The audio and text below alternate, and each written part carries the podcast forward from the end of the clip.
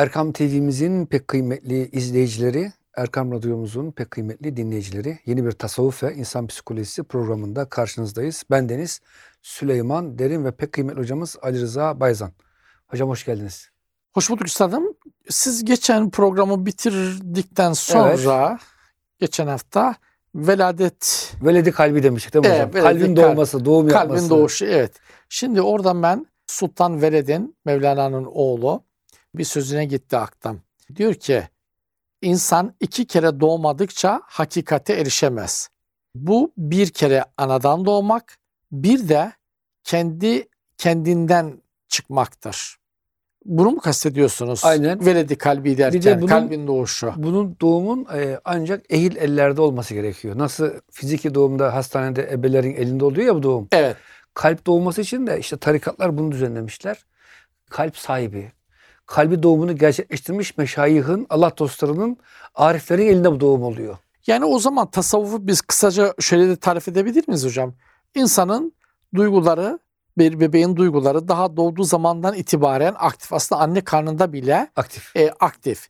Doğdu, yaş ilerledikçe aklı aktifleşiyor giderek, gelişiyor ve genişliyor.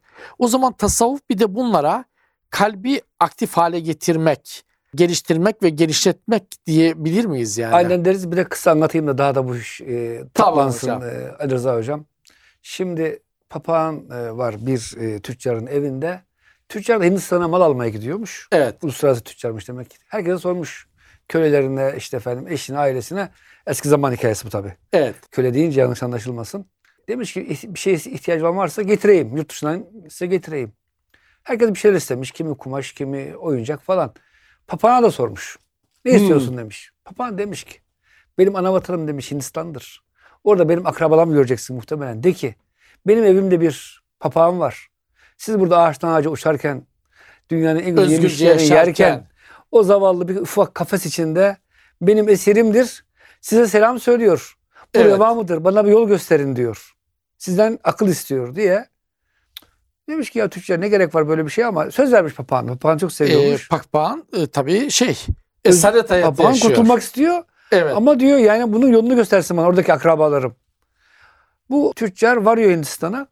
Orada atıyla gezerken bir e, ağaç üzerinde, büyükçe bir ağaç üzerinde bir papağan sürüsü görüyor. Evet. Tabii ya, hikaye bu yani. Şimdi papağanla konuşulur, konuşulmaz demeyin. Selamun aleyküm, aleyküm selam. E papağanlar diyor. Benim evimde papağan var. Size çok selamı var. Diyor ki ey oradaki kardeşlerim ben burada esaret altında ufacık kafeste yaşıyorum. Siz orada ovalarda, yaylalarda gününüzü gün ediyorsunuz. Bu reva mıdır? Bana bir çare gösterin diye size selam söyledi der demez. Evet. Orada 20-30 tane papağan var ya Ali Rıza Hocam. Evet. Hepsi küt tek düşüp ölüyor. Hmm. Tüccar üzülüyor. Ya diyor püh diyor bu masum bir hayvanların mesaj kanına girdik. götürdük, öldürdük hepsini. Allah Allah ya ben ne diyor dilim yani eşek arası soksun derler ya. Evet. Pişman oluyor. Canı sıkkın bir şekilde geri dönüyor. Herkes hediyesini dağıtıyor. Papağan diyor ki efendi diyor benim ricamı yerine getirdin mi ne yaptın? Oradaki papağanlara selam söyledin mi? Ya sorma diyor git başımdan diyor. Şimdi o konuya girmek istemiyorum. Israr edince ya sorma diyor. Senin selamını söyledim, derdini anlattım. Oradaki herhalde senin akrabaların belki annem babandır bilemiyorum diyor. Senin haberini duyar duymaz hepsi düştü öldüler diyor. Der demez bu sefer papağan da düşüp ölüyor. Hmm. Allah Allah tüccar iyice canı sıkılıyor. Ya diyor oradaki papağanlar öldü. Bu da öldü. Çok sevdiğim kendi papağanım da öldü. Ne yaptım ben diyor. Keşke söylemeseydim falan. Alıp papağanı camdan aşağı şöyle bahçeye atacakken atınca hop uçmaya başlıyor. Hmm. Ya papağan ne oldu diyor. Oradaki papağanlar bana haber gönderdi. Esaretten kurtulmak istiyorsan nefsini öldür. Ölü gözük. Yani bir dakika itiraz edeceğim hocam. et bakalım hadi Ali Rıza hocam. Ya niye nefsi öldürmek yani e, nefs dediğim şey ben yani ben e, yani intihar mı edeceğim? ne yapacağım Eyvallah. yani? Bu nefs öldürmek bizim en çok kullandığımız tabir tamam mecazidir. Yani ne demek? Genelde bir sufiler duygularımızı kontrol etmek manasına. Bunu nefsi öldürmek deriz. Yani bir insan öfkesine, gadabına sahip çıkıyorsa ise nefis ölüyor. Ya tam şimdi kızdım, ağzıma kötü bir kelam geldi. Onu söylemediğim zaman bu nefis bir parça ölüyor. Yani başka bir açıdan yani egoizmin üstesinden gelmek de diyebilir miyiz buna? Aynen, aynen. Yani Aynen. kendi varlığımızı ortadan kaldırmak Aşmak değil. ona. İçimizdeki benliği, enaniyeti egoizmi aşmak yani o Negatif zaman. e, egoyu aşmak, evet. e, onu e, efendim kontrol altına almak. Buna biz nefsi öldürmek deriz. Yani mesela gurursuz olacağım derken tırnak içinde onursuz mesela diyelim ki Diyojen mesela hocam. Filozof bir açıdan saygı duyacağımız bir isim. Sinoplu. E, Sinop'ta da heykeli var hocam. Trabzon'a yakın mı? Onu sorayım bir de. E, Sinop hocam Samsun'a kadar bize bağlıydı. Eyvallah. Samsun'dan Artvin'e kadar e, Osmanlı'da Trabzon vilayeti. Eyvallah. Sinop dahil değil. Niye dahil değil bilmiyorum. Belki o yüzden mutlular hocam. Yani Biz, bizim. Trabzonlar biraz darlandır kolay. Eyvallah. E, Şeyler çok böyle rahat, relax insanlar hocam Tamam. Sinop'ta. TÜİK'in ve Gallup'un araştırmasına göre hocam Türkiye'de en mutlu insanlar Sinoplular yani. Çok güzel. Veya Sinop'ta yaşayanlar. E, nereye gelecektik? Bakın birden kaçırdım. Diyojen'den bahsettik. Ha, Sinop'ta e, yaşamış dediniz. Şimdi Diyojen, onu- onur Diyojen mesela şey, meselesi. e, Diyojen mesela böyle sokak insanı gibi yaşıyor. Yani gururlu olmayacağım derken e, bana göre böyle sokakta sokak hayvanı gibi yaşamak da insan onuruna uygun değil. E, veya bu kadar ezik büzük olmak, bu kadar böyle mm, ne bileyim yani varlığını göstermemek, e, gösteriş yapmayacağım derken kendi varlığını göstermemek, yapabileceklerine talip olmamak, bu kadar ürkek ve çekinik olmak falan yani doğru şey mi bunlar yani? Hocam bunu İmam Gazali öyle güzel açıklamış ki her şeyde itidal ve orta nokta. Öfkemizi yenelim. Hiç öfkesiz bir insan olalım. Hayır diyor. Hatta şunu söylüyor İmam Gazali. Öfkelenmesi gereken yerde öfkelenmeyen de eşektir diyor. Hmm. Yani şimdi siz ailenize giderken birisi sataştı. Ailenize bir laf etti. Ya öfkelenmeyeyim şimdi. Yok olmaz. Orada öfkelenmen gerekiyor. Evet. Namusunu koruyacaksın. Ülkemize başka bir ülke bomba attı. Ya öfkemize kapılmayalım. Hayır. Ülkeni koruyacaksın. Çocuk gece 12 yaşında oğlunuz gece 12'de 1'de eve girdi. İnsan öfkelenmez mi? Oğlum nerede kaldın bu saate kadar? Evet. Ben bile e, Peki fark ne? Yani oradaki fark şu mu? Yani öfkeleneceksin, tepkini göstereceksin ama öfken sana istemediğin şey yaptırmayacak. aynen öfke seni kontrol etmeyecek. Sen öfkeyi kontrol edeceksin. He, tamam. Fark bu. İşte bu kontrol duygularda biz dengeyi sağlamak diyoruz biz buna. Aa hocam geçen bir analiz okudum. Ee, Bir psikiyatr şey diyor. Duyguları ikiye ayırıyor. Etken duygular, edilgen duygular. Etken sen kendi varoluşunla bir tercihte bulunuyorsun. Duygusal bir duygusal bir hal yaşıyorsun. Bu sevinç de olur, öfke de olur.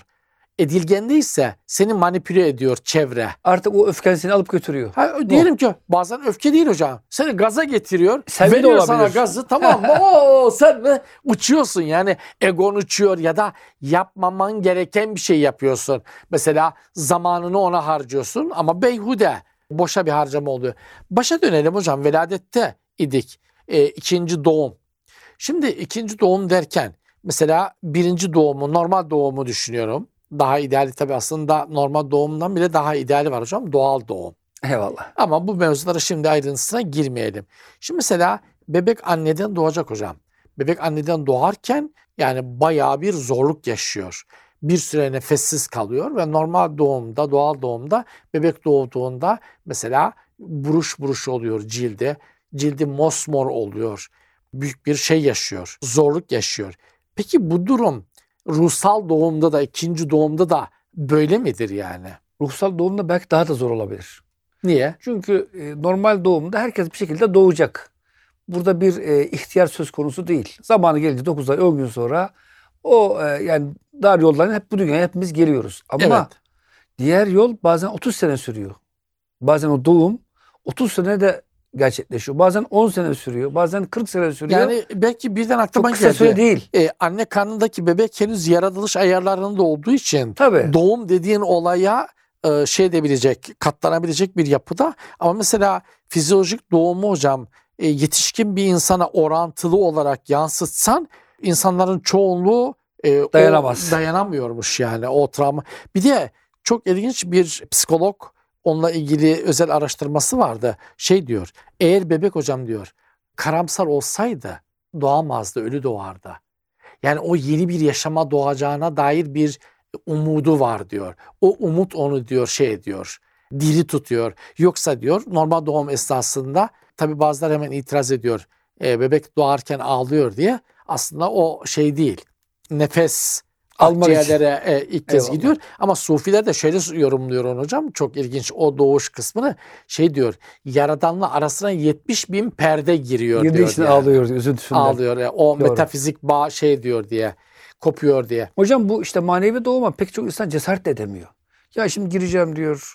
e, tefekkür yapacağım. Herkesle her şeyi paylaşacağım. Bencil bencil yaşamak varken ne güzel keyfime bakmak varken hele imkan sahibi insan için sufi olmak daha da zor.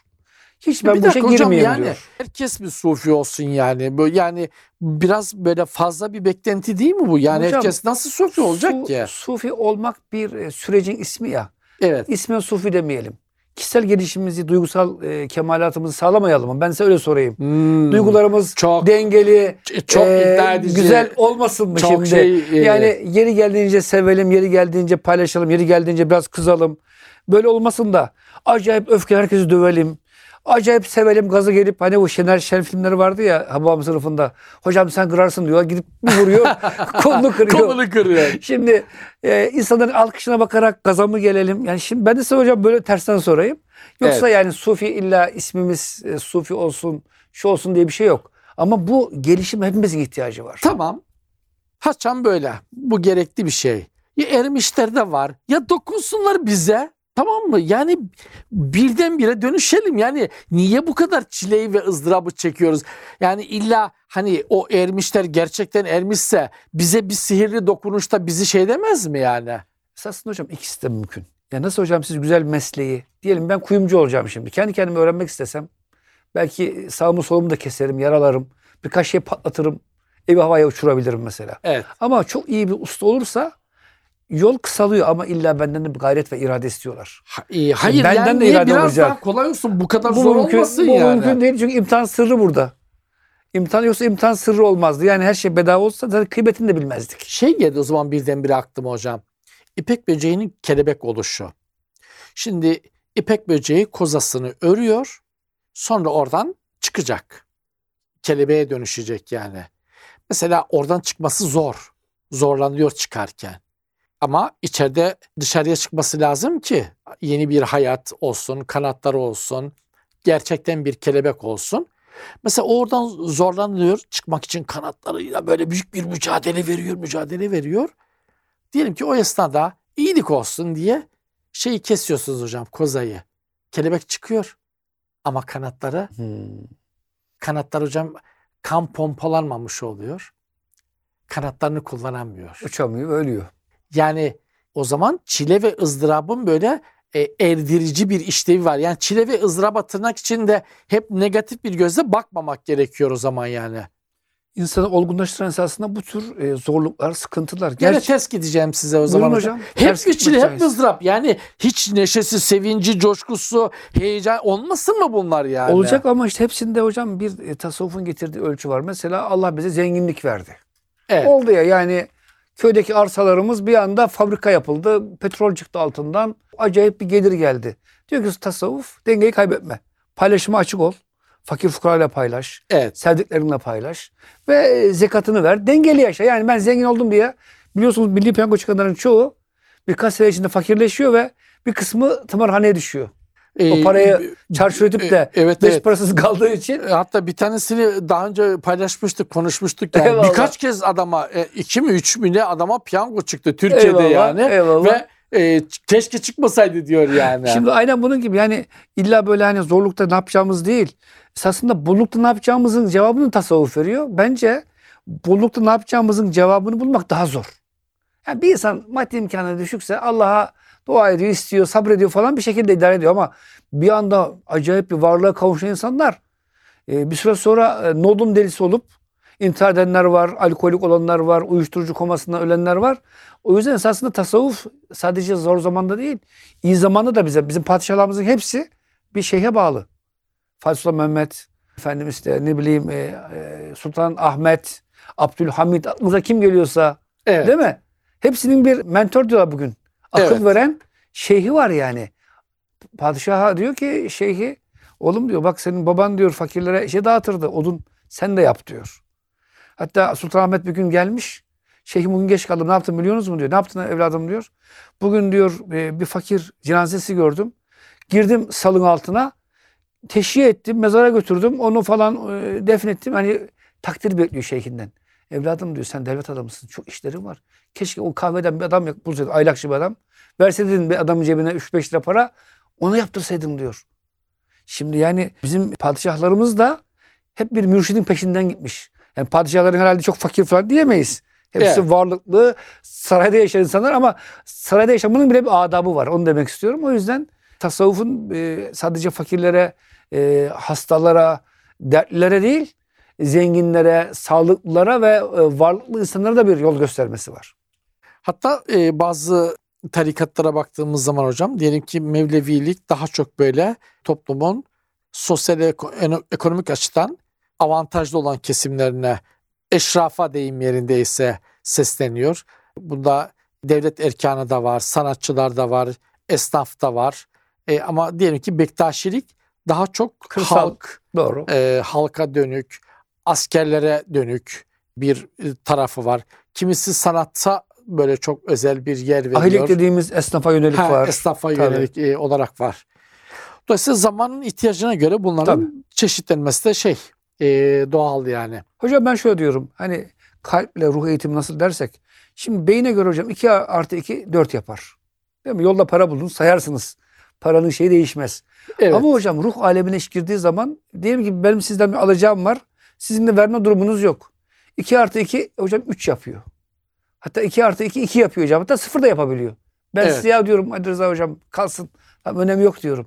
Veya siz bana diyebiliyorsunuz.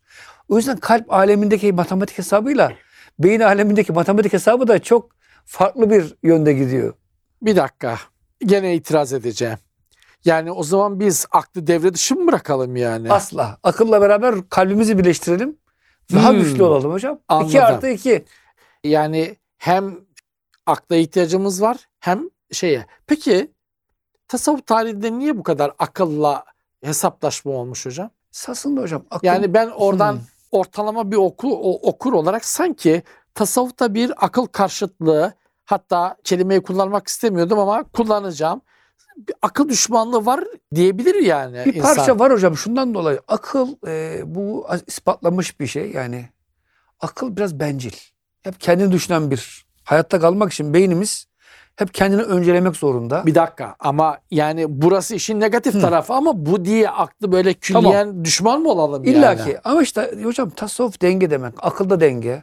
Duyguda denge. Bunu da Ha, söyleyeyim. o zaman bir dakika Ha. yani akla temelde karşı değil. Değil hocam. Aklın tırnak içinde dengesizliğine karşı Aynen. yani. Mesela postmodern literatürde çok geçer hocam. Araçsal akıl. Şimdi ne demek araçsal akıl? Aklın sadece bir araç olarak kullanılması şey önemli değil. Meşruiyet kısmı önemli değil. Ee, insanlığa yararı olmuş olmamış önemli değil. Akıl sadece bir araç olarak. Halbuki akıl amaçsal bir idealar, amaçlar ekseninde olduğu zaman o dengeyi ve ölçüyü şey ediyor, koruyor. O zaman tasavvuf tarihindeki akılla ilgili o zaman bu söylenenleri biraz dikkatli okumak gerekiyor. Tabii ki. Tabii yani ki. onu doğrudan düşünmeye, doğrudan akıl yürütmeye bir meydan okuma olarak görmemek lazım herhalde. Bakın şimdi Batı alemi çok rasyonalist değil mi? Rasyonalizm en çok Batı aleminde. Pozitivizm. Evet. Amerika'sında, İngiltere'sinde, Almanya'sında. Bugün savaş çıkıyor. Gazze'mizdeki katliamı hep beraber canlı yayında seyrediyoruz maalesef. Evet. Hepsi akıllı insanlar. Hepsi çok güzel fikirler üretiyorlar değil mi? Diyorlar ki işte Gazze'liler teröristtir, e, şundur, budur falan filan. Sağdan soldan e, bir sürü deliller getirip buradaki soykırımı da gayet mantık düzlemine hemen hemen oturtuyorlar. Ama kalp bunu kabul etmiyor. Evet. Batı'da da kalbi çok güçlü insanlar var. Onlar diyor kardeşim bu soykırımdır ya. Bu terörizmle falan alakası yoktur. Terörizm ise illa öldüreceksen git Hamaslı askerleri bul öldür. Ama sen gidiyorsun hastane bombalıyorsun. Cami kilise bombalıyorsun diyorlar. O yüzden Sufiler hatta İmam Gazali çok güzel açıklamış. Eğer diyor e, kalbin oturması gereken yere nefis oturursa bencillik aklı diyor kendine böyle e, yaptığı kötülükleri güzel göstermek için kullanır. O yüzden e, aklın kontrolü ruhun ve kalbin elinde olursa insan diyor hayır ve e, güzellikte aklını yürütür. Nasıl size faydam olacak diye ben düşünürüm. Evet. Öteki türlü nasıl sizden bir menfaat alacağım diye onun hesabını yaparım. Evet. Son iki dakikaya hocam girmişiz. Ne diyelim Muhabbet hocam? böyle- Vallahi muhabbet gayet güzel gidiyor. O yüzden Ee, şunu yani- desek acaba. Yani Gazali'ye göre, Sufilere göre duygularımızı da dengeleyeceğiz, aklımızı da dengeleyeceğiz. Akıl, Yani sonuç itibariyle tasavvuf akılda, kalpte, duygularda ölçü ve dengeyi vurguluyor yani. akıl kendi başına kalırsa rasyonalizm, pozitivizm, sınırsız bir akılcılık bu başkasına zarar veriyor. Sınırsız bir duyguculuk, E, duygusallık. bu arada aklıma şey geldi mesela postmodernizmle beraber Paul Feyerabend vesaire onun Akla Veda diye bir kitabı var.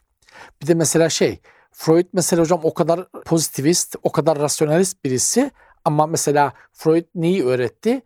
Bilinçaltı insanın bilinciyle kedinin fareyle oynadığı gibi oynar. E bu ne demek? Bu şu demek yani. Demek ki insan aklını çok fazla gerçek amacının dışında kullanabilir. Sapkın amaçlar için kullanabilir ama bunların hepsini akla uydurma, mantığa büründürme diye bir mekanizmayla kamufle edebilir yani. E, o yüzden Yani oradan bakınca mesela Freud bir yandan da şeydir hocam. Modern aklı aslında bir başka açıdan meydan okuyan bir isim Eyvallah yani. öyle ama işte maalesef işte akılcılığa daha çok sanki psikoloji açısından Yok, bakarsak. bir yandan onu söylüyor Evet. ama öbür yandan da bir şey açık ediyor. Yani Eyvallah. Netice olarak hocam biz yani tasavvufta akıl ve duygusallık dengesini, ruhani hayat dengesini korumamız gerekiyor. Aşırı ruhanilik de iyi değil. Onu da söyleyeyim. Yani ruh... niye niye? Mesela işte Budistlere bakalım. Giyiyorlar bir e, sarı kıyafet. Rahiplere bakıyoruz. Ömür boyu E, sarı, ne bir manastırda- yani hocam? bir manastırda aile ilişkileri yok, çalışmak yok. Allah'a ibadet ediyoruz. İslam bizden bunu istemiyor. Diyor ki Evet. İslamiyet Allah'a vakit ayır, ailene vakit ayır, topluma vakit ayır. Dengeli bir insan ol diyor. anladım. Ya Dengeyi- sırf yani ben şimdi yaşamdaki dengeyi de koru diyor ya yani. ben 20 saat namaz kılsam, her gün oruç tutsam Allah bizden bunu istemiyor. Evet. Yani 5 vakitini kıl diyor. Diğer vakitlerinde de ailenle ilgilen, işini gör. Yönetmenimiz hocam Evet. tamam diyor. O yüzden hocam bu da dengesizlik değil mi? Şimdi aşırı gitsek Biz mi aşırı gidiyoruz? ya bu da dengeyi korumak adına Yönetmenimiz bizi dengeliyor. Şimdi Eyvallah. diyor vakitte dengeye ölçüye geldik diyor. Hocam çok teşekkür ederiz. Ağzınıza dilinize gönlünüze sağlık. cümlemizin. Muhterem e, dinleyicilerimiz, kıymetli izleyicilerimiz Tasavvuf İnsan Psikolojisi'nde bize verilen sürenin sonuna gelmiş olduk. Bir sonraki hafta buluşuncaya kadar Allah'a emanet olun. Hoşçakalın efendim.